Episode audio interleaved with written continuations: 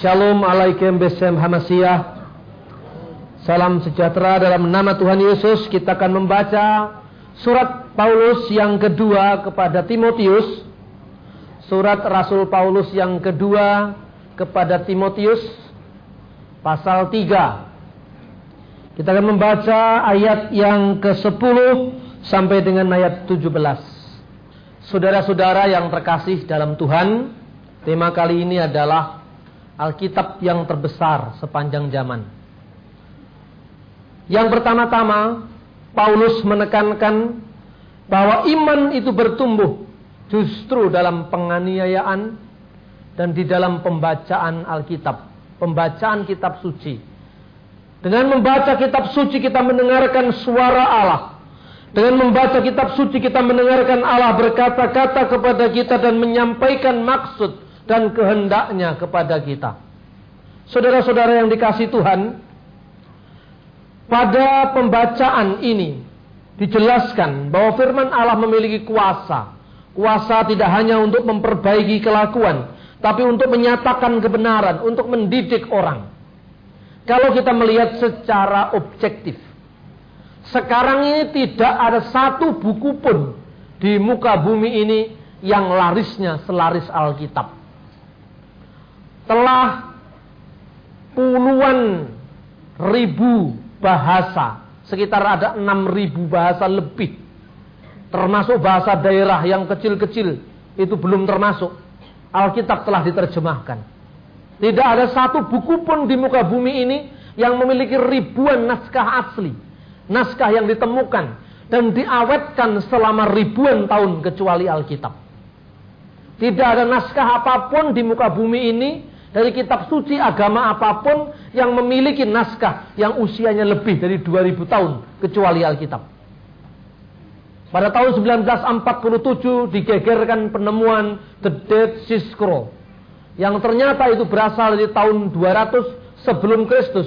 Hampir mencakup seluruh perjanjian lama kecuali kitab Esther.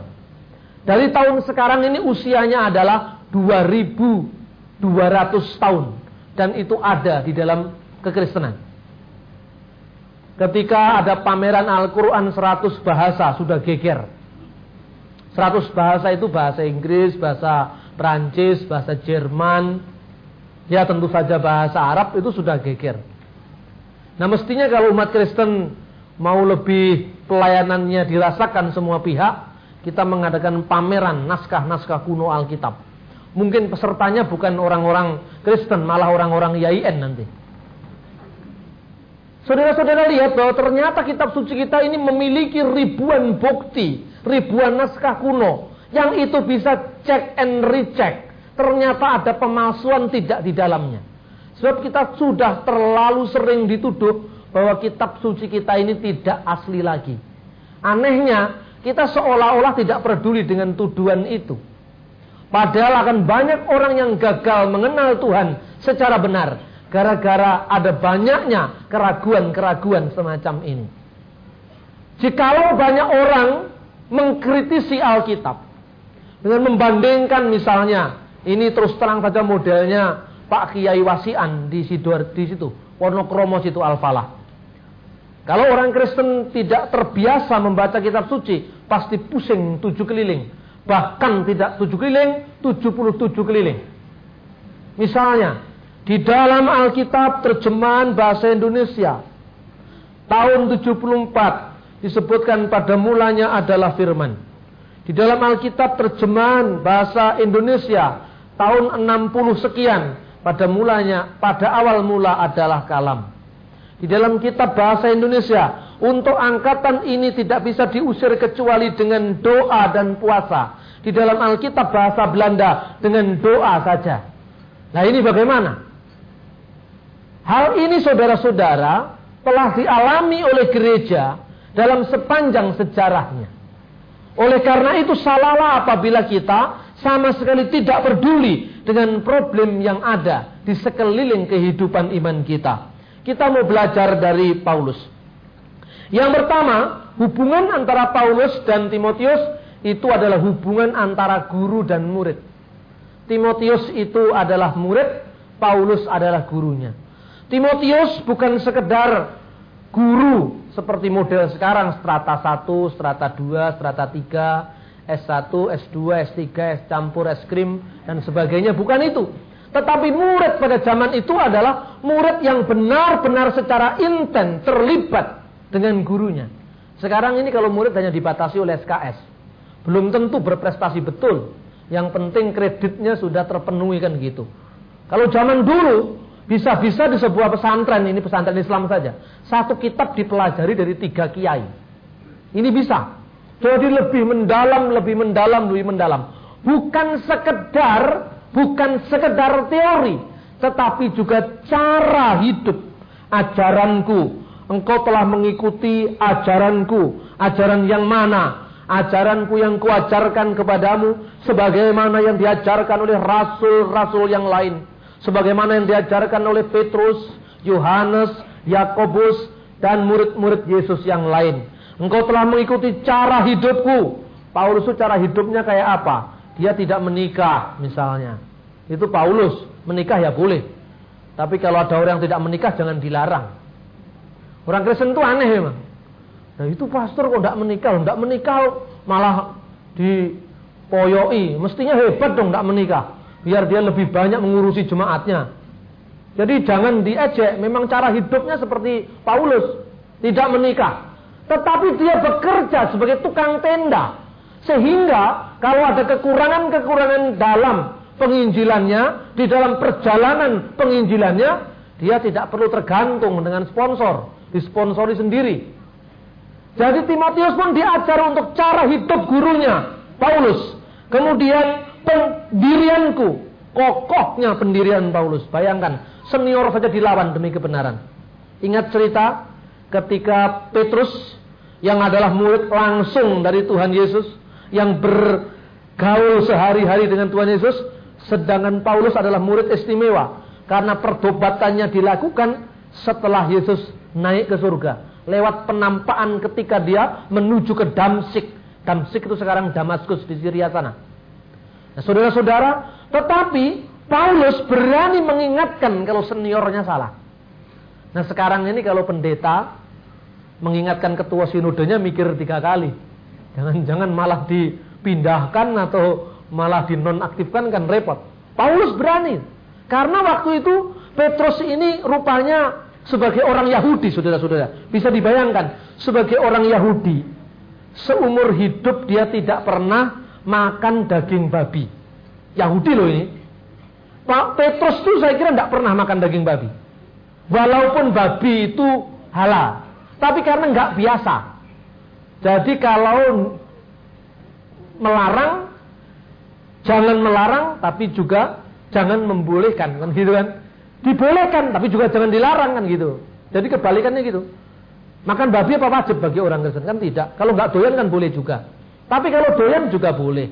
Makanya enak orang Kristen itu. Jadi tidak ada larangan. Kamu senang babi, senang makanlah. Tapi hati-hati kolesterol gitu aja kan. Jadi alasannya alasan kesehatan, bukan alasan kerajaan Allah. Sebab kerajaan Allah itu bukan soal makanan dan minuman. Ya kerajaan Allah bukan soal makanannya apa, makan saksang atau makan pecel atau makan apa. Itu tidak ada urusannya dengan surga ini. Makan, kepingin makan, makanlah. Kepiting juga boleh dimakan, cumi-cumi juga boleh dimakan. Sebab kerajaan Allah bukan soal cumi-cumi. Kerajaan Allah soal kebenaran, soal iman.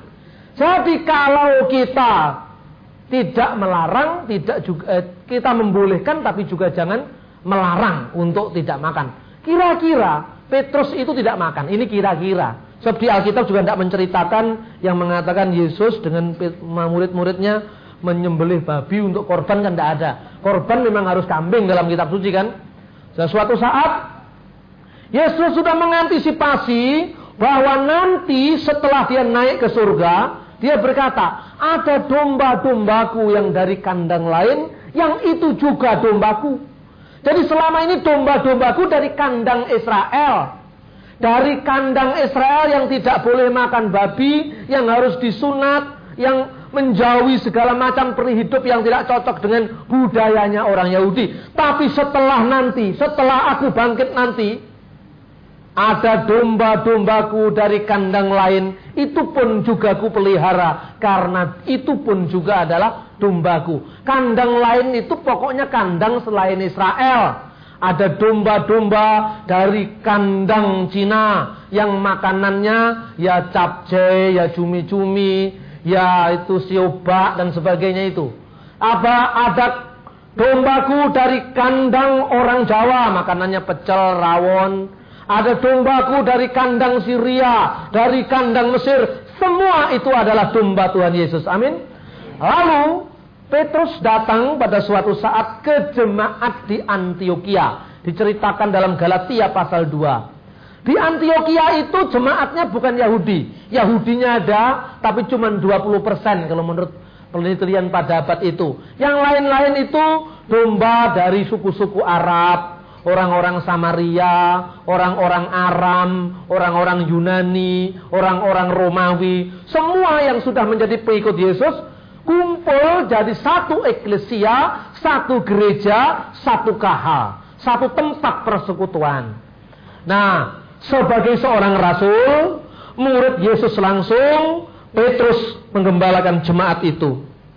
Dia datang ke Antioquia pada saat jam makan dia makan bersama murid-murid yang lain. Murid-murid yang biasa mungkin makannya di situ ada, ya katakanlah mungkin ada saksangnya, di situ ada saksang itu yang makan dibungkus dalam darah itu. Artinya orang Batak itu makannya Batak tembak langsung itu kan saksang itu. Dia datang ke situ. Mula-mula dia enjoy aja makan. Begitu ada orang-orang Yakobus, orang-orang Yahudi. Lah ini orang Yahudi yang sudah Kristen tapi budayanya tidak makan babi. Dia datang, begitu orang-orang Yakobus yang dari Yerusalem datang, Petrusnya ragu. Dia mundur. Ah, jangan-jangan nanti saya dicap sama dengan domba-domba lain ini, domba-domba dari kandang lain. Paulus lihat, saya menegur Simon dengan terang-terangan karena kelakuan mereka itu tidak cocok dengan kebenaran. Itulah pendirian Paulus. Jadi Paulus pendiriannya luar biasa dan Timotius disuruh mengikuti. Tapi selanjutnya imanku, iman yang jelas tidak pernah gugur, iman yang sekalipun mengalami pencobaan tapi dia bertahan dalam iman. Kesabaranku, kasihku dan ketekunanku. Kesabaran Paulus, cara hidup Paulus. Paulus selain sabar tapi juga memiliki cara hidup yang sangat luas. Contohnya begini, kalau baca Alkitab harus dikait-kaitkan satu kitab dengan kitab lain, zamannya siapa, penulisnya siapa, kepada siapa ayat itu ditulis. Supaya kita benar-benar tidak ayatiah tapi alkitabiah. Banyak sekali orang ayatiah, ayat dicomot satu, kemudian itu dimutlakkan. Ayat satu dicomot itu tidak boleh baca Alkitab seperti itu. Itu mencomoti surat-suratnya Tuhan tidak boleh. Nah, saudara-saudara, di kisah Rasul 6, pasal 16 diceritakan di sana cara hidupnya Paulus, cara misinya Paulus itu luas. Buktinya, dia menyunatkan Timotius. Coba baca nanti. Kisah Rasul pasal 16 ayat 1 sampai ayat 3. Dan Paulus mau agar Timotius yang beserta dengan dia disunatkan. Disunat dikitan Padahal di Galatia dia mengatakan barang siapa menyunatkan dirinya Kristus tidak lagi berguna untuknya. Loh, nah ini kok menyunatkan Timotius di kisah para rasul? Alasannya Paulus praktis. Karena di sana ada banyak orang Yahudi. Dan orang-orang di situ tahu bahwa salah satu dari orang tua Timotius itu orang Yunani. Orang Yunani dengan orang Yahudi itu waktu itu dua budaya yang sangat kontras. Satunya makan halal haram hantam semua dimakan, satunya penuh larangan. Satunya suka nonton tari-tari, pacuan kuda, gelanggang olahraga, teater, satunya kebudayaannya sangat tertutup, pakai kerudung, tidak boleh bersentuhan laki-laki dengan perempuan, kira-kira miriplah Islam gitu Yahudi. Dua kontras budaya yang sangat berbeda. Dan itu Injil pertama kali diberitakan dalam konteks seperti itu. Maka ketika ada orang Yahudi lihat itu loh. Muridnya Paulus itu ibunya orang kata salah satu orang tuanya orang Yunani. Pasti dia tidak disunat. Bagi orang Yahudi, orang yang tidak disunat nggak boleh didengar omongannya. Karena itu ketika si Timotius itu tahun bicara, kalau nggak disunat, dipikir dia bukan mewakili jemaat. Dan itulah akibatnya maka demi Injil apa sih artinya disunat? Gak masalah. Jadi artinya orang Kristen itu jangan menganggap sunat sebagai keselamatan. Tapi kalau alasan lain bolehlah tidak apa-apa. Sunat atau tidak sunat, makan babi atau tidak makan babi, tidak ada pengaruhnya dengan surga. Karena di surga juga tidak ada babi.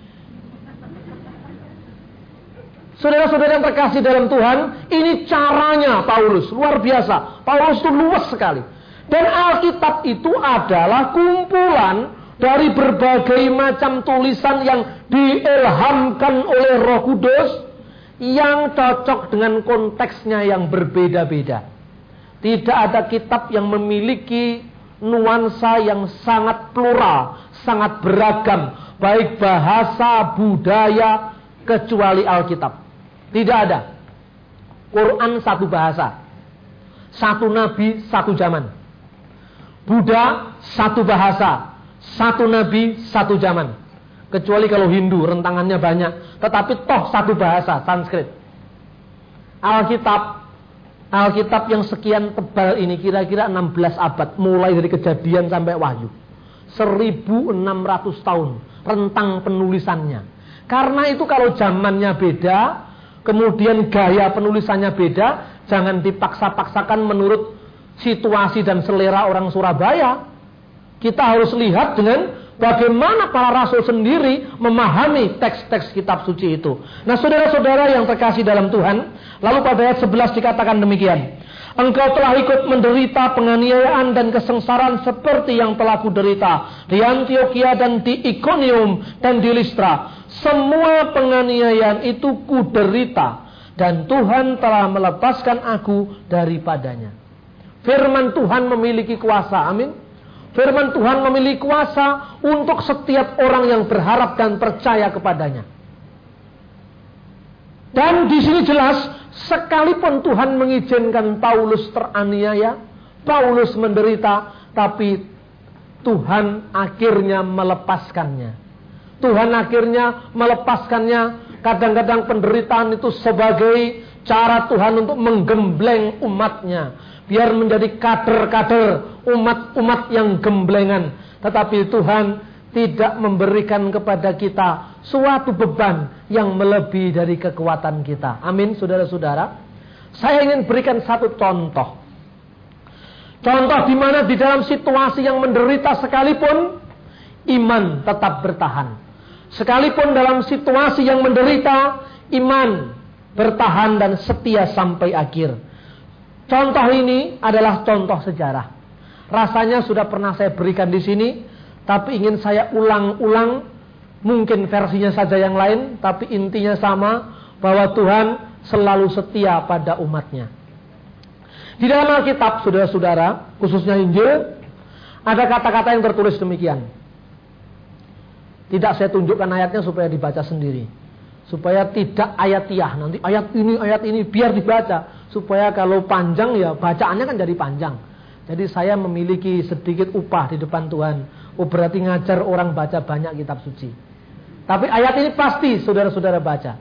Jikalau engkau punya iman sebesar biji sesawi, maka engkau akan bisa memindahkan gunung dari tempatnya.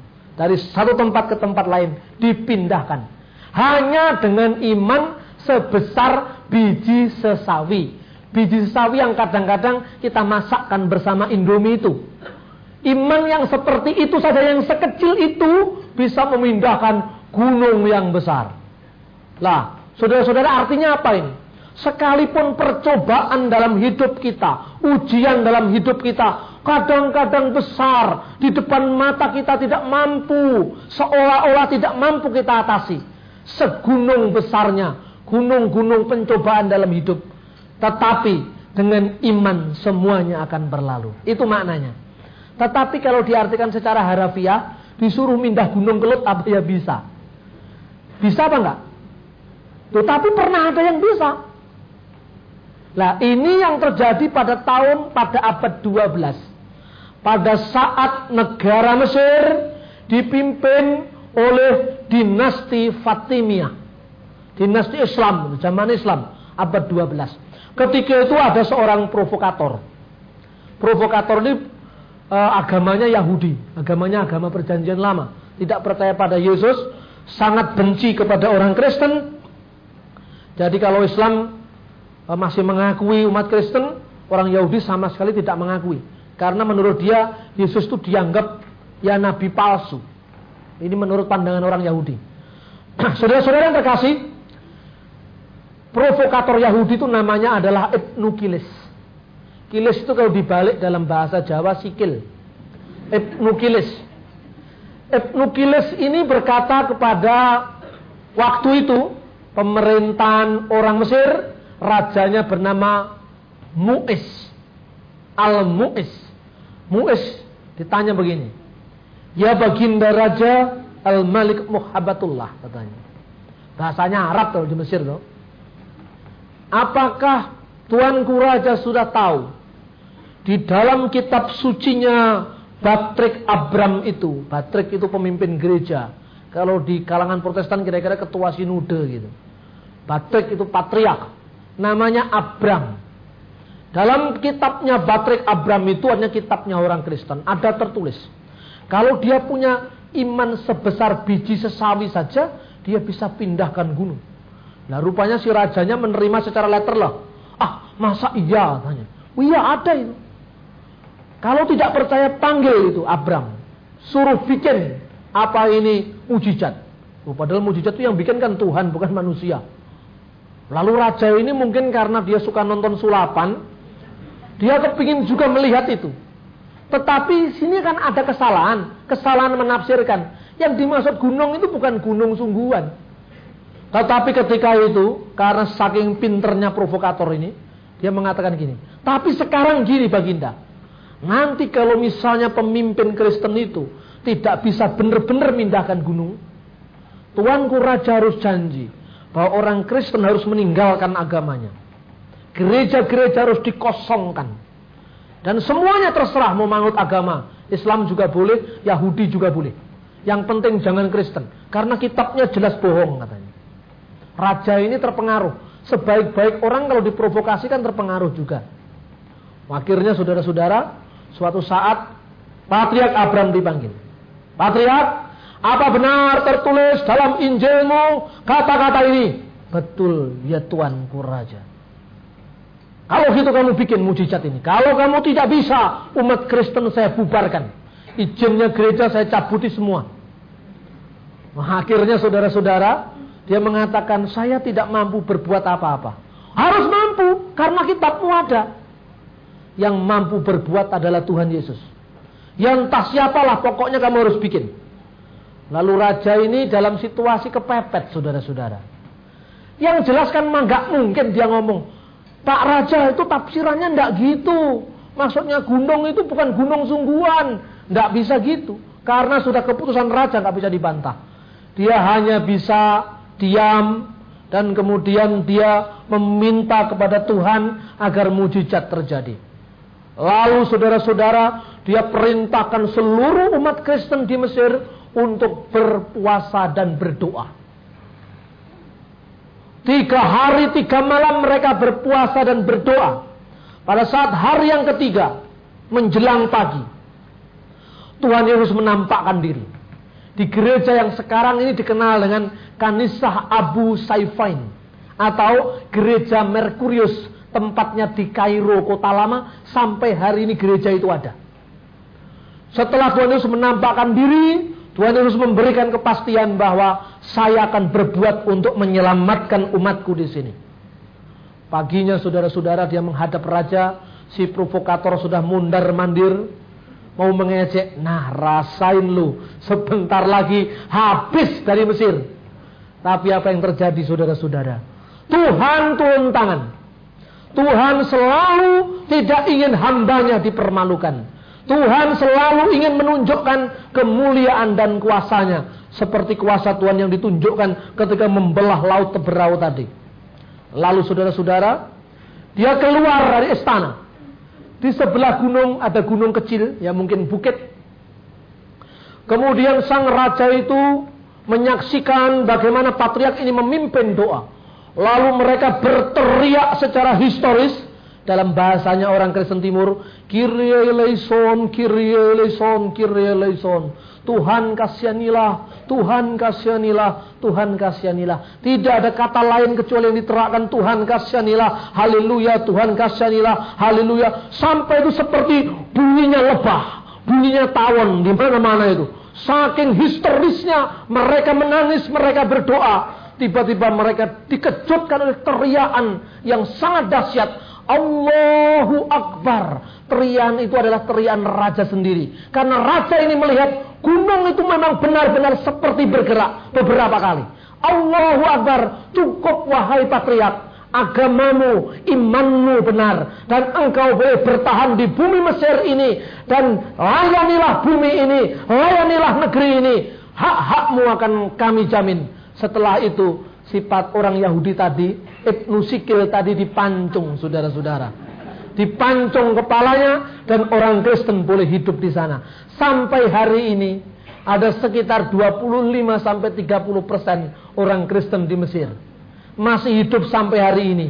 Mulai dari zamannya Patriark Abram abad 12 sampai zamannya Butros Gali Sampai saat ini gereja masih berkembang. Dan sampai hari ini bukit yang pernah terjadi mujizat itu disebut Bukit Mukatam atau Jabal Mukatam. Sampai hari ini ada di Mesir. Kalau sudah pergi ke sana, lebih-lebih kalau yang memandu ziarah Anda saya, saya tunjukkan. Hadza Jabal Mukatam. Inilah bukit yang bergerak. Jadi Mukatam itu yang bergerak. Bukit yang bergerak. Karena yang terjadi mujizat tadi anehnya, anehnya, ironisnya, ajaibnya, luar biasanya. Cerita ini yang nulis bukan orang Kristen. Cerita ini yang nulis adalah Abu Saleh Al-Armini. Abu Saleh itu orang muslim. Abu Saleh Al-Armini dalam bukunya yang berjudul Tadakur Fiha Akbar Minal Kanais Wal Atyar Min Nawahin Misir wal ikto'ai. Artinya apa ini?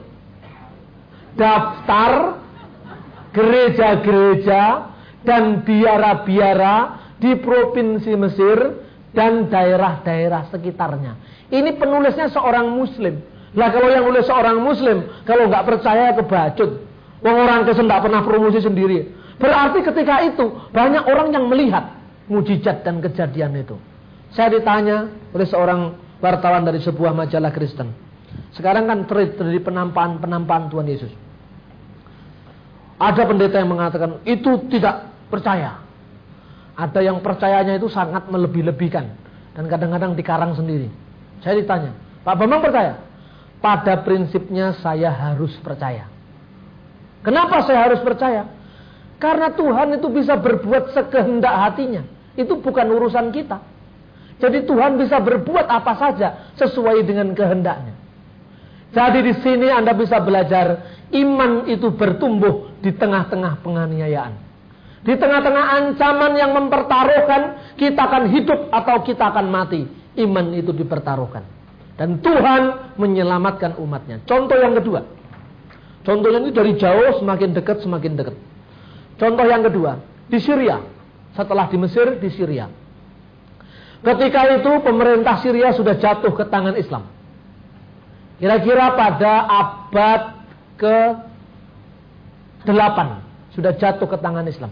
Akhir abad ke-7. Ketika tentara Islam menaklukkan Syria, tatkala itu hubungan pemimpin gereja di Syria yang bernama Patriark Abu Sidra itu berhubungan sangat baik dengan seorang pemimpin sultan katakanlah raja Islam waktu itu yaitu Umair bin Wakos al-As'ari. Itu pemimpin umat Islam. Emir al-Jazirah. Gelarnya Emir al-Jaziratul Arab. Jadi amirnya Jaziratul Arab. Suatu saat karena dia termasuk pengagum ajaran Yesus juga walaupun dia seorang muslim dia memanggil patriark di kantornya. Patriark Apakah kamu sudah memiliki Injil dalam terjemahan bahasa Arab? Patriark menjawab, Ya Raja, selama ini Injil kami berbahasa Aram, berbahasa yang dipakai oleh Sayyidina Isa Al-Masih, oleh Tuhan Yesus Kristus, bahasanya Aramia. Lalu kamu punya doa bahasa Arab, nyanyian bahasa Arab, kitab-kitab memang sudah diterjemahkan dari dalam kalangan terbatas. Beberapa ayat, beberapa portion dari kitab Injil kami sudah diterjemahkan. Baik, kalau gitu kamu saya kasih dana. Teruskan ajaran Yesus itu sebaik-baik mungkin kamu saya kasih dana untuk penerbitan Alkitab dalam bahasa Arab lengkap seluruh Injil. Wah, senangnya luar biasa. Kemudian dia tunjuk tiga suku di Arab sana yang Kristen, seluruhnya Kristen. Antara lain suku yang disebut Bani Tayyik, Bani Akhula, itu suku-suku Kristen. Disuruh menerjemahkan dari bahasanya Tuhan Yesus, yaitu bahasa Aram ke dalam bahasa Arab. Terjemahan Matius diselesaikan, Markus diselesaikan, Lukas diselesaikan. Ketika terjemahan sudah hampir selesai, menghadap lagi kepada raja. Ini ya raja Injil Tuhan kami. Lalu dia baca. Raja senang sekali melihat bagaimana Yesus bekerja. Yesus membuat mujizat. Dia sangat mengagumi bagaimana karya Yesus itu. Tapi begitu dia membaca Injil Markus pada awal pasal awal ayat 1 yang berbunyi fil badi Injil Yesus al-Masih ibnullah. Langsung si raja ini mengatakan, "Wah, ini memang bagus ini Injilmu ini. Tapi yang ini ya jangan dimuat lah. Yang mana? Yang anak Allah itu jangan dimuat. Itu lebih baik lagi kalau nggak dimuat. Dibaca lagi ayatnya. Di sana Yesus disalibkan. Lalu dia berkata, yang ini juga jangan dimuat, dipotong saja ini. Harus disensor ini. Kenapa Raja? Ah ini tidak benar kalau yang ini. Yang lain-lain tadi bagus. Yang ini jangan dimuat. Akan lebih bagus lagi kalau nggak dimuat katanya. Kemudian Abu Sidra menjawab. Saya akan selalu menuliskan Injil sesuai dengan apa aslinya. Tapi tolong kalau nggak dimuat kan lebih bagus. Alasannya kenapa? Dalam Quran disebutkan Wa qaulihim innal khudanal masiha Isa ibnu Maryam. Mereka telah berkata kami telah membunuh Al-Masih Isa anak Maryam. Wa ma khuttaluhu wa ma salabuhu walakin subyalahum. Mereka tidak membunuh dia, tidak menyalibkan dia, melainkan yang disamarkan bagi mereka. Itu alasan saya. Katanya itu alasan raja karena agama raja begitu. Tapi memang Tuhan Yesus disalib. Sejak zaman rasul-rasul penerus sejarah Yesus memang disalib tapi bangkit kembali. Terus raja ini terus saja memohon. Kalau bisa yang salib, yang anak Allah, yang Tuhan Yesus itu dipotong sajalah. Lebih bagus nanti. Biayanya juga lebih murah. Gak tebel-tebel gitu. Apa jawaban dari pemimpin gereja ini? Dia katakan begini, Hasali anakrom hurfan wahidan. Saya tidak akan menghapuskan satu huruf pun hurufan wahidan min Injil Robi dari Injil Tuhan saya katanya min Injil Robi dari Injil tentang Tuhan saya walan akta martani saham ma'askar kaguluha sekalipun seribu anak buah Tuhan anak buah Tuhan menembus dada saya. Seribu anak panah tentara Tuhan menembus dada saya. Tidak ada satu huruf pun akan saya hapuskan dari Injil Tuhan saya. Uh, kaget dia. Abu Waqqas al-As'ari kaget dan dia mengatakan, Amdi wa aktub kamatarok. Kalau sudah, ya kalau begitu, teruskan. Tuliskan seperti apa yang kamu tahu. Saudara-saudara ini menjadi pelajaran Iman tumbuh di tengah-tengah penderitaan, di tengah-tengah penganiayaan. Ya mungkin kalau zaman sekarang dihadapkan dengan anak panah yang begitu banyak busurnya sudah siap begini, dipotong aja lah sedikit tidak apa-apa. Saya sering saksikan itu di forum-forum keagamaan. Ini minta maaf ini. Kebetulan yang yang berlaku itu ya makhluk yang namanya pendeta ini minta maaf. Tapi kalau Pak Pendeta kita tidak. Di dalam forum-forum keagamaan itu biasanya orang Kristen itu menderita penyakit. yang sebetulnya lebih daripada sekedar penyakit flu yang bisa diobati dengan ultraflu. Ini penyakit ini yang namanya penyakit kejiwaan, penyakit psikologis yang namanya dalam bahasa Belanda minderwaardigheid kompleks. Jadi penyakit minder. Biasanya orang-orang Kristen kalau sudah di depan gerejanya, wah, itu paling berapi-api, sedikit-sedikit haleluya dan tepuk tangan, tapi begitu di forum-forum agama orang lain, berdoa aja tidak berani ngomong Tuhan Yesus tidak berani. Ya Allah, ya Tuhan kami. Ya, ya betul. Memang Allah Tuhan kami betul. Tapi dalam nama siapa? Tidak ada disebutkan. Ya Tuhan kami, pencipta langit dan bumi. Semua agama tahu itu. Ya Tuhan kami, engkaulah yang mengasihi bangsa kami. Semua aliran tahu. Tapi dia tidak pernah ngomong Tuhan Yesus. Ini sering terjadi. Tetapi kita diberikan contoh oleh patriark, oleh pemimpin gereja di Syria ini. Luar biasa. Mujizat Tuhan terjadi. Bahkan raja ini iba hatinya. Begitu teguhnya imanmu wahai pemimpin umat Kristen. Maka amti teruskan. Wa aktub kamataro dan tulislah apa yang kamu tahu. Contoh yang terakhir. Dari Mesir, Syria ke Surabaya. Mesir, Syria ke Surabaya. Pada awal penyebaran agama Kristen. Pada awal penginjilan di Jawa Timur. Itu ada seorang kiai, seorang pemimpin agama tradisional. Kiai itu bukan sekedar Islam, ya Islam tapi kalau Anda pergi ke Blitar, gong besar itu disebut juga Kiai Prada. Itu disirami dan kita berebut sipratan siramannya gamelan itu. Memang orangnya sudah sinting semua. Dari cipratannya gamelan kok ya mau gitu kan aneh itu. Kiai ini namanya Kiai Dasimah. Namanya Kiai Dasimah. Kiai ini mendengar ada agama baru katanya. Yang mengajarkan tentang Ratu Adil yang namanya Isa Al-Masih. Dia datang-datang jauh, kemudian dia menerima sebuah lembaran Injil dari seorang misionaris. Injil itu diterima di dalam bahasa Jawa. Bunyinya adalah Engkolo Purwo Injil Gusti kita Isa Al-Masih putraning Allah. Bahasanya Jawa ini. Bahasanya Jawa tertulisnya huruf Jawa. Lalu dia justru tertarik dengan kata-kata anak Allah. Loh kalau waktu itu misionaris, jangan ditulis anak Allah, ditulis saja Rasul Allah. Nanti kalau anak Allah mereka tidak mau terima. Loh, lah yang sebenarnya itu mereka diukur dengan Injil atau Injil diukur dengan mereka? Mestinya kan Injil yang mengukur mereka. Jangan karena mereka tidak mau terima, Injil dirubah. Justru karena istilah anak Allah itu, Kiai Dasimah ini akhirnya malah percaya dengan Yesus. Setelah dia banding-bandingkan, saya baca di seluruh terjemahan Injil Markus dalam bahasa Jawa. Tidak ada yang mengatakan Allah beranak dan diperanakkan. Tetapi anak Allah maksudnya bukan Allah beranak. Anak Allah maksudnya kedekatan dengan Allah. Bahkan Yesus itu lahir dari firman Allah. Yaitu firman yang menjadi manusia. Karena itu kemudian dilanjutkan dengan Injil Yohanes. Di sana dibaca.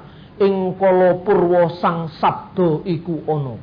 Sang sabdo iku nunggil kelawan gusti Allah. Lan sang sabdo iku jumeneng Allah. Wah itu bahasa Jawanya gitu.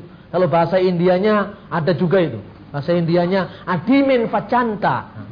Adimin facanta. Facan itu wacana. Adimin facanta. Bahasa, bahasa India. Kalau bahasa Arabnya yaitu tadi sudah saya baca. Banyak sekali. Bahasa Maduranya belum tahu saya. Kasetong, kadua, ada berapa lagi lah. Saudara-saudara, tiga contoh ini menggambarkan betapa Kristus itu sendiri bekerja lewat roh kudusnya untuk menobatkan orang. Karena itu sadar Tugas kita hanya mengabarkan. Kita tidak berwenang menentukan karena kita hanya menanam dan menyiram, tapi Roh Kudus yang memberikan pertumbuhan. Kisah-kisah ini banyak sekali sudah saya tulis sebetulnya kalau saudara lihat baca judulnya Dialog Teologis Kristen Islam. Itu pernah saya tulis dan itu saya sampaikan kalau tidak salah di beberapa forum Islam. Dan satunya adalah sebuah buku yang ditulis pada abad ke-8 Masehi Jadi tahun 807 eh, 781. Ini kitabnya berwarna emas gitu namanya Timotius 1. Kalau saudara mau lebih lanjut meneruskan apa yang saya sampaikan, tentu cerita ini kan panjang sekali kalau di diceritakan di khotbah sini mungkin di session lain, tapi saudara bisa sambil membaca. Timotius 1 dengan yang namanya dialog Kristen Islam. Itu banyak saya bahas. Judulnya adalah bagaimana setiap orang Kristen itu bertahan dalam penderitaan dan dia setia sampai akhir. Jangan takut. Berapa kali ayat mengatakan Maria jangan takut. Nah, malaikat berkata jangan takut. Sekarang beritanya sama. Jangan takut. Sekalipun negeri ini serba tidak pasti. Jangan takut. Sekalipun negeri ini kita tidak tahu apa yang berkembang besok. Kita tidak tahu. Tetapi saya yakin Tuhan akan selalu memelihara umatnya. Sebagaimana Tuhan memelihara umatnya di Mesir. Umatnya di Syria. Umatnya di tempat-tempat lain. Tuhan juga akan pelihara umatnya di Indonesia. Siapa Siapa yang berani yang pernah tidak menyangka ketika tangan besi, tembok besinya komunisme. Orang ke gereja dimata-matai dan ditangkap. Setelah zamannya perestroika dengan apa ini uh, zamannya siapa itu lupa saya. Seorang pemimpin dari Uni Soviet yang membubarkan Uni Soviet itu Langsung sudah tujuh ribu di gereja dibuka kembali. Ketika gereja dijadikan museum, tujuh ribu gereja dibuka kembali. Siapa yang sangka? Coba tahun 65, 66, 67 orang bisa sangka kalau Uni Soviet akan hancur, kalau Uni Soviet akan runtuh begitu kuatnya. Nyatanya sekarang terjadi. Siapa yang nyangka bahwa tembok Berlin akan pecah? Sekarang ternyata apa ini berlangsung. Siapa yang sangka yang suka mempolitisasi agama itu? Agama diadu sama lain. Siapa yang sangka bahwa namanya Pak Harto akan jatuh? Tidak ada yang sangka. Tapi ternyata jatuh. Sebab apa? Soeharto, Fir'aun, Karomak, manusia biasa. Manusia itu apa? Sama podo mangan segone. Sehebat apa pun tidak hebat juga. Karena itu jangan fanatik pada pemimpin politik. Jangan fanatik pada Bung Karno. Jangan fanatik pada Gus Dur. Jangan fanatik pada Mega. Jangan fanatik pada PDI Perjuangan. Jangan fanatik pada PKB. Fanatiklah kepada Tuhan. Satu-satunya yang menentukan kehidupan kita, negeri ini, dan seluruh umat manusia yang percaya kepadanya. Itu saudara-saudara pengantarnya silakan kalau ada pertanyaan-pertanyaan saya akan siap untuk menjawab dan kita bisa lakukan diskusi di sini. Terima kasih sebelumnya. Uh, saya Surya bernama. Uh, Pak Bambang saya mau bertanya. Uh, kemarin saya melihat uh, di SCTV itu pengajaran dari Advent di kitab suci diajarkan bahwa hari Sabat itu jatuh pada hari Sabtu. Yang saya mau tanyakan simbolnya itu kenapa sekarang terjadi pada hari Minggu. Sedangkan orang Advent sendiri menemukan hari Sabat itu hari Sabtu dan dan kitab kejadian memang terhitung hari Sabat itu terjadi pada hari itu. Terima kasih. Ya, ya. Terima kasih. Saya jawab dulu. Yang pertama mengenai hari Sabat. Ya, mengenai hari Sabat ini memang hari Sabtu memang istilahnya sabat itu memang Sabtu artinya tujuh jadi dalam bahasa Ibrani hari Minggu itu adalah Yom Echad hari pertama. Hari Senin itu Yom Sheni hari Senin. Sheni menjadi bahasa Arab Isnin Isnin menjadi bahasa Jawa Senin. Ditambahi Senin Legi, Senin Pon, Senin Kliwon. Bahasa Ibraninya Yom Selisi hari ketiga. Menjadi bahasa Arab Yaumat Talata menjadi hari Selasa. Bahasa Ibrani Yom Revi dari kata Yom Revi menjadi Yaumul Arba'a menjadi bahasa Indonesia hari Rabu. Yom Khamisi bahasa Ibrani Yaumul Khamis bahasa Arab hari Kamis. Karena pada hari Jumat itu biasanya untuk berjamaah bagi orang Islam disebut hari Jumat. Kemudian hari ketujuh hari Sabtu, Sabat. Jadi yang namanya hari Sabat memang hari Sabtu. Kemudian kalau di dalam nyanyian gereja yang agak simpel itu dikatakan hari ini harinya Tuhan, harinya Tuhan, hari Sabtu harinya Tuhan, hari Selasa harinya Tuhan itu terlalu di general. Hari Tuhan itu hari Minggu. Kenapa hari Minggu? Istilah Minggu itu adalah Domingo, harinya Tuhan. Dan istilah Domingo itu terdapat di dalam kitab Wahyu pada hari Tuhan. Kami berkumpul. Lalu untuk lebih jelasnya saudara bisa membaca kitab kisah para rasul. Kitab kisah para rasul pasal yang ke-20 ayat 7. Ya. Pasal yang ke-20 ayat 7. Pada hari pertama dalam minggu itu ketika kami berkumpul untuk memecah-mecahkan roti dan seterusnya pada hari pertama minggu itu ketika kami berkumpul untuk memecah-mecahkan roti. Hari pertama minggu itu hari apa? Ya hari minggu. Hari pertama itu bahasa Ibrani-nya Echad, bahasa Arabnya akad, bahasa Jawanya akad kliwon, akad pon dan seterusnya. Akad itu ya minggu. Jadi di sini ada dua pola ibadah. Coba kita lihat di dalam kisah Rasul pasal 2. Ada dua jenis ibadah di sini. Kisah Rasul pasal 2 ayat 46. Dengan bertekun dan dengan sehati mereka berkumpul tiap-tiap hari dalam bait Allah. Mereka memecahkan roti di rumah masing-masing secara bergilir dan makan bersama-sama dengan gembira dan dengan tulus hati. Jadi di situ ada dua ibadah. Di bait Allah selain tiap-tiap hari karena bait Allah itu buka terus seperti masjid gitu tapi ibadah di bait Allahnya pada hari sabat atau hari Sabtu. Nah kalau saudara-saudara kita umat Advent memang agak menyederhanakan pemahaman Kenapa? Karena orang-orang Advent memandang loh, Paulus di sini pergi hari Sabat, Yesus pergi ke sinagoga hari Sabat, kok kenapa kita hari Minggu? Kan gitu kan Advent kan gitu. Saya jawab, ya memang Paulus pergi hari sabat untuk apa? Untuk memberitakan Injil. Lah kalau mereka ke hari sabatnya hari Rabu kan nggak ada orang. Jadi jawabannya karena kontekstualisasi. Nah hari sabat untuk apa orang Kristen pertama kali? Inilah sejarahnya harus jelas. Orang Kristen pertama kali ke hari sabat itu untuk ibadah bersama orang Yahudi. Dulunya orang Kristen itu kan Yahudi semua itu. Orang Yahudi itu tidak percaya Yesus, dia percaya Kristus akan datang, Mesias akan datang, tapi orang Yahudi belum percaya kalau Mesias itu ya Yesus itu sampai hari ini. Anda pergi ke Jalan Kayu nomor 9 ada orang Yahudi di situ, sinagog. Itu percaya dengan Alkitab mulai dari kejadian sampai Maliaki dia percaya, tapi perjanjian baru dia tolak. Sampai hari ini dia masih berdoa, Mesias segera datanglah, Mesias segera datang padahal dia sudah datang 2000 tahun yang lalu. Ini orang Yahudi. Nah orang Yahudi itu ibadahnya hari Sabtu, hari Sabat. Orang Kristen pertama-tama kan Yahudi. Datang ke sana, tapi orang Yahudi berdoa, misalnya doanya gini, Baruch ata Adonai Elohenu melek haulam.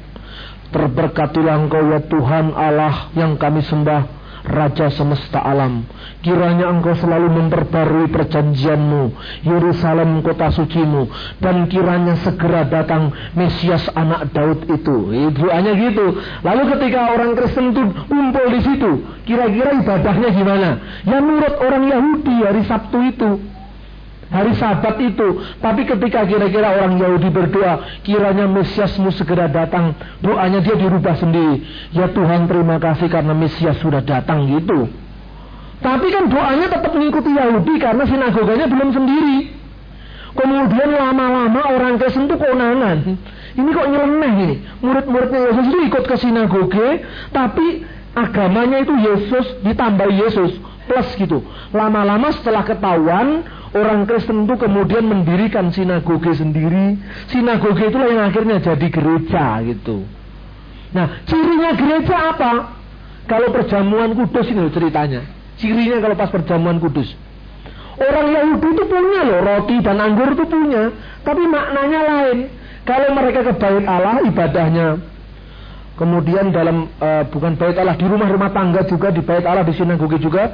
Ini dari pemimpin perjamuan ini, perjamuan malam itu dia berkata, Saudara-saudara sebagai bangsa Israel, umat pilihan Allah, anak Abraham, mari kita memperingati Paskah dari bangsa kita. Paskah juga namanya, tapi Paskah yang perjanjian lama pembebasan dari Mesir tadi. Lalu roti itu dicuil-cuil dan seorang pemimpin mengatakan, inilah roti kesengsaraan yang dimakan oleh nenek moyang kita di Mesir. Ketika itu kita dibebaskan Tuhan pada malam hari dari Mesir ke tanah perjanjian. Marilah kita makan roti ini. Roti yang tidak beragi, yang menggambarkan kepahitan nenek moyang kita dimakan. Anggur yang tercurah ini adalah penderitaan umat Israel di negeri Mesir. Gitu loh. Itu perjamuan kudusnya. Lah kalau hari Sabtu tiba-tiba inilah darahku dan inilah tubuhku diusir langsung sama orang Yahudi. Jadi mula-mula orang Kristen itu masih ya Yahudi juga, tapi Yahudinya plus plus Yesus. Makanya di Alkitab dikatakan begini. Mereka berkumpul juga di bait Allah. Bersama siapa? Bait Allah di sini jangan dibayangkan gereja GPIB, gereja Betani, gereja Bethel, bukan itu. Bait Allah di sini ya bait Allahnya orang Yahudi yang sekarang tinggal tembok ratapan itu. Kemudian mereka memecahkan roti di mana? Di rumah mereka masing-masing. Kenapa di rumah mereka masing-masing? Karena roti yang dipecahkan itu bukan roti kesengsaraan Mesir, tapi tubuh dan darah Yesus.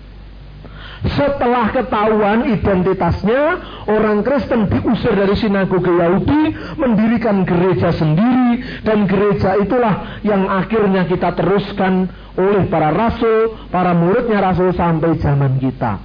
Karena itu, rasul-rasul memang memiliki dua hari ibadah. Hari Sabat mereka baca Alkitab, mereka renungkan kitab suci, mereka mengikuti kebiasaan Yahudi. Tapi hari Minggu memecah-mecahkan roti. Itu mula-mula. Jadi aksen itu ya ada benernya ada salahnya. Benernya memang hari Sabat itu hari Sabtu itu betul. Tapi orang Kristen tidak hanya punya hari Sabat, hari Sabat plus hari Minggu. Makanya di dalam kitab suci dikatakan pada hari pertama minggu itu ketika kami memecah-mecahkan roti atau ketika kami perjamuan kudus. Jadi perjamuan kudus hari Minggu. Mengapa perjamuan kudus hari Minggu? Karena perjamuan kudus itu untuk memperingati kematian Yesus dan kebangkitannya terjadi pada hari Minggu. Jadi hari Minggu itu bukan hari Dewa Matahari. Soal ini Advent salah. Saya berani berdebat ini salah. Kalau baca sejarah gerejanya jangan abad keempat saja.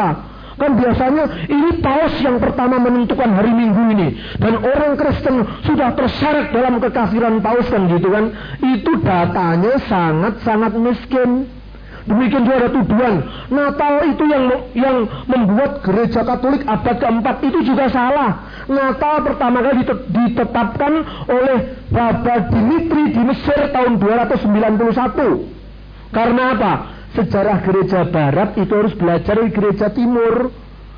Orang Kristen itu tidak hanya ada di Florida sana, tidak hanya ada di Amerika, tidak hanya ada di Amsterdam, tidak hanya ada di Eropa, tapi juga ada di Syria, ada di Mesir. Kristen-Kristen timur yang penuh kekayaan sejarah ini sama sekali tidak pernah diperhitungkan sebagai data dan sumber. Akibatnya ketika kita dituduh, wah hari Minggu itu hari menyembah dewa matahari. Buktinya apa? Buktinya Sunday. Sun itu matahari, day itu hari. Gitu? Monday, man itu bulan. Makanya Gresimon itu artinya orang Ambon melihat bulan. Simon melihat bulan itu artinya. Kalau orang Ambon jalan pelan-pelan Melki Guslo. Jadi benar kalau Sunday artinya hari dewa matahari. Tapi ingat di Alkitab tidak ada Sunday. Alkitab adanya Yom Echad. Hari pertama. Kata Sunday itu bahasa Inggris. Alkitab aslinya tidak ditulis dalam bahasa Inggris, tapi bahasa Ibrani dan bahasa Yunani. Di dalam kitab Wahyu ada kata-kata Kuriake Emra, hari Tuhan.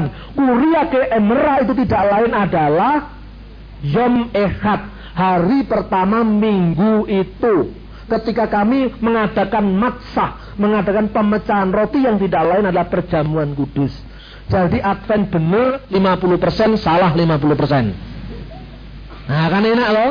Biasanya kalau orang-orang karismatik menjawab gini agak sulit karena datanya kurang. Nah ini, terus Alkitabnya Alkitab bahasa Inggris.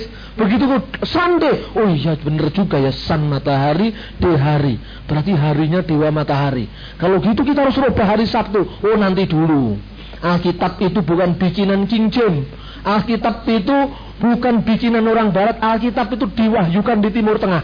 Bahasanya Timur Tengah. Dalam bahasa Timur Tengah tidak dikenal kata Sunday yang ada Yom Echad. Lebih dekat orang Jawa. Kliwonnya dihilangin kan jadi Echad.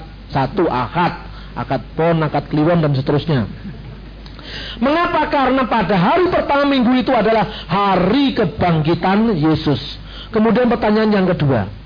Roh Kudus mengilhamkan kitab suci ini menurut konteks. Ya betul. Makanya si Markus nulisnya pendek. Karena apa? Nulisnya kepada siapa? Kepada orang Romawi. Orang Romawi itu bangsa militer. Orang militer itu kan cara berpikirnya sakleh. Apa adanya. Dan mau bukti nyata. Makanya coba anda lihat di Injil Markus. Cerita mujizatnya kan banyak sekali. Kutipan perjanjian lama tidak ada. Karena apa? Dikutip tidak ngerti orang Romawi itu. Tapi kalau anda lihat Injil Matius, Injil Matius itu penuh sekali dengan kutipan perjanjian lama. Pembacanya orang Yahudi. Injil Lukas, pembacanya adalah orang-orang sejarawan, orang-orang apa ini intelektual karena penulisnya seorang intelek yaitu dokter kepada orang Yunani. Setelah aku menyelidiki dengan seksama segala peristiwa yang terjadi di antara kita dari para saksi mata dan pelayan firman, maka aku ingin membukukannya secara teratur bagimu. Nah, itu Lukas.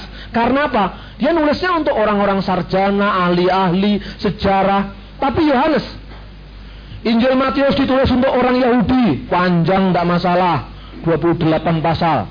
Karena orang Yahudi memang suka panjang-panjang. Itu banyak kutipan perjanjian lama, tidak masalah. Markus hanya singkat 16 saja. Karena tentara nggak bisa diajak pikir panjang-panjang. Kudu bedil terus, makanya wah ini ceritanya. Ini kisah mujizat, mujizat, mujizat. Percaya. Ya semua Tuhan selamatkan orang menurut jalannya masing-masing. Dulu kalau saya belum terima Yesus dulu sudah saudara dikatakan oh ini ada orang disembuhkan. Oh gitu dukun ini juga bisa menyembuhkan. Apa hebatnya sama lah. Tapi saya justru menerima Yesus karena diskusi, karena meneliti kitab suci. Kira-kira saya tipenya termasuk tipe Injil Matius dan Injil Lukas kira-kira tipenya. Tapi kalau tipe-tipe yang uh, kelompok karismatik, kelompok Pantekosta itu tipe Injil Markus. Tidak usah panjang-panjang. Buktinya apa? Saya tidak punya duit. Saya mau ke dokter, saya sakit. Buktinya apa? Kalau nama Yesus sembuh, percaya. Alhamdulillah. Haleluya. Amin. Nah itu modelnya Markus.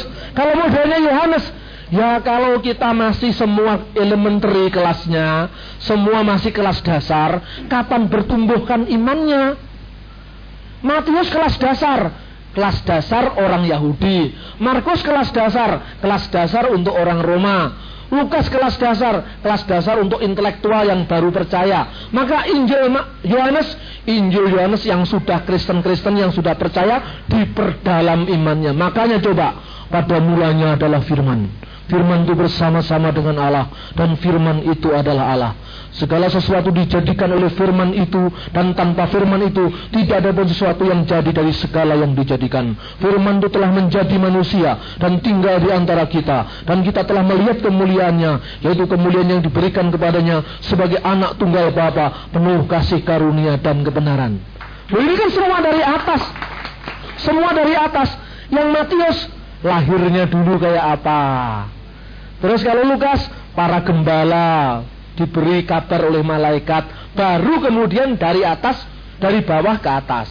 Injil Yohanes dari atas ke bawah. Karena apa? Pembacanya orang yang sudah beriman, sudah tahu, sudah mengerti. Karena itu saudara-saudara, kalau jadi Kristen jangan hanya Kristen dasar, tapi kembali menuju kepada pertumbuhan iman kita. Kemudian yang terakhir mengenai konteks tadi. Nah, konteks seperti ini bagaimana dengan Indonesia? Bukan kitab sucinya yang konteksnya barat. Yang konteksnya barat adalah liturginya, cara berteologinya. Kitab suci tetap timur, bahasanya bahasa Ibrani kok. Bahasanya bahasa Yunani tetap timur. Tetapi ketika menyampaikannya orang barat, budayanya budaya barat. Ketika datang ke Indonesia mayoritas Islam, kurang bisa diterima. Tidak usah kitab suci yang dirubah, yang dirubah cara pemahamannya, cara penyampaian Injilnya, bukan kitab sucinya. Amin. Dan ini semakin menguatkan hidup iman percaya kita dalam kita mengabdi Tuhan dan percaya kepadanya, dan kita bisa terjemahkan dalam kehidupan kita sehari-hari. Amin. Mari kita berdoa.